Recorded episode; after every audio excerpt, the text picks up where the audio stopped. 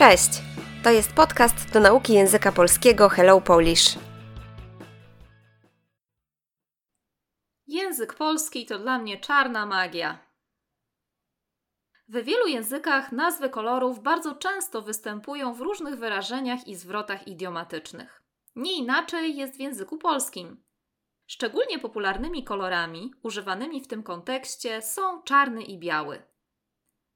Każdy z nas miał kiedyś do czynienia z tematem, z którego nic a nic nie rozumiał, na przykład z matematyki albo polskiej gramatyki.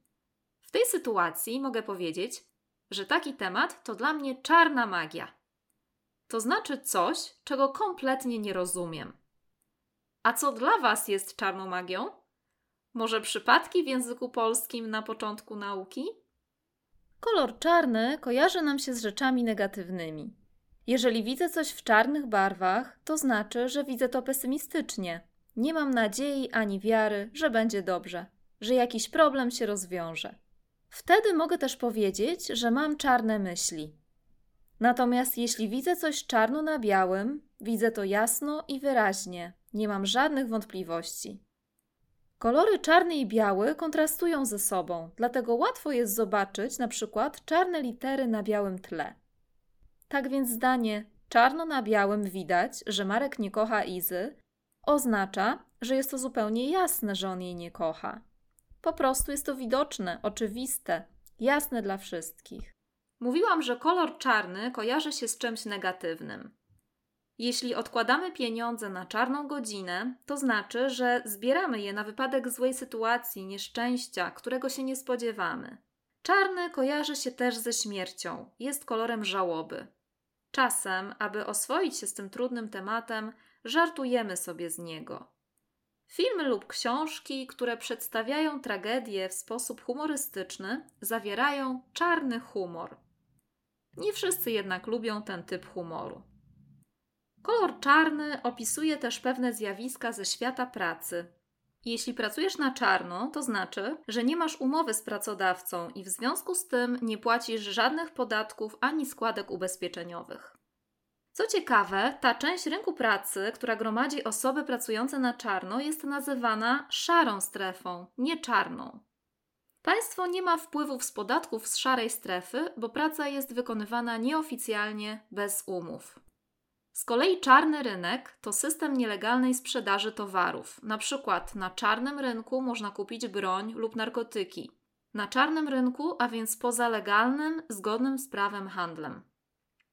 Wyjaśnijmy teraz dwa ciekawe wyrażenia, w których kolor czarny łączy się z nazwami zwierząt: czarna owca i czarny koń.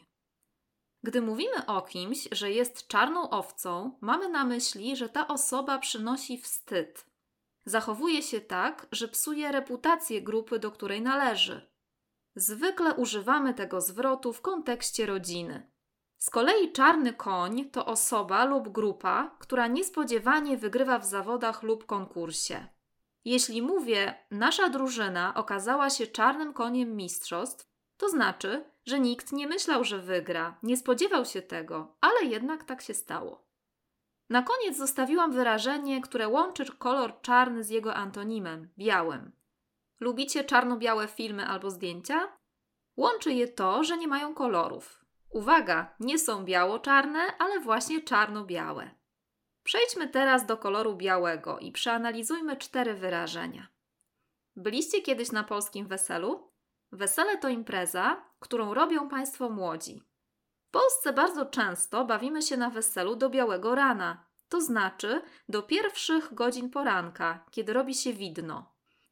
Inne wyrażenie z tym kolorem to biały kruk.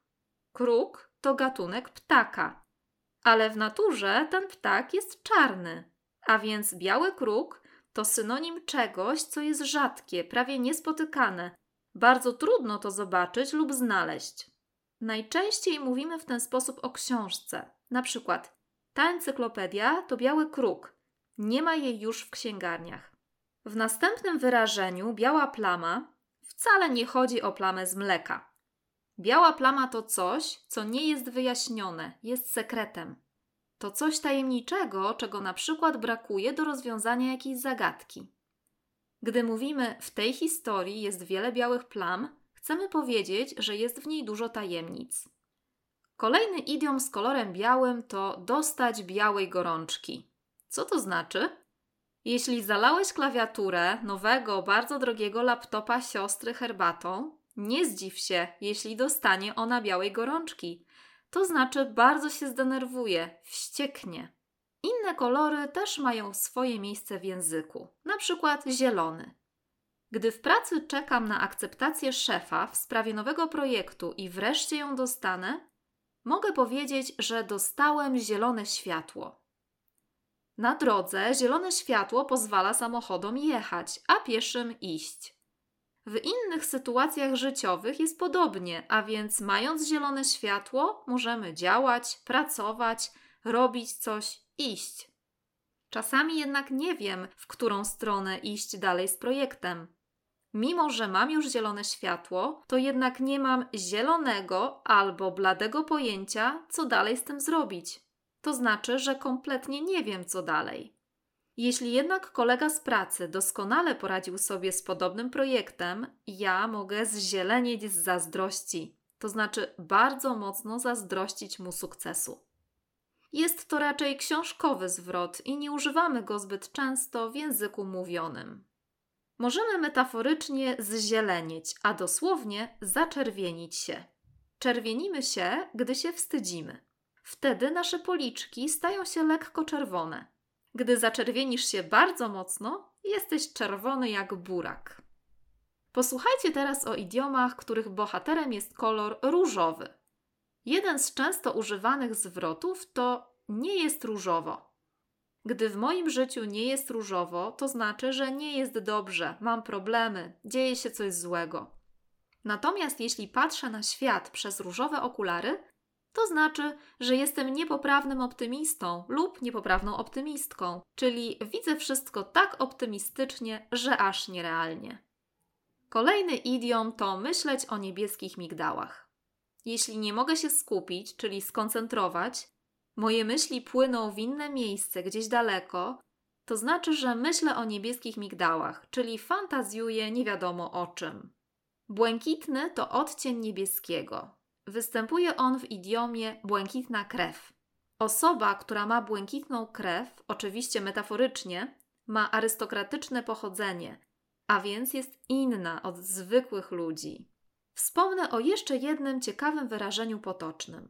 Czy wiecie, czym są żółte papiery?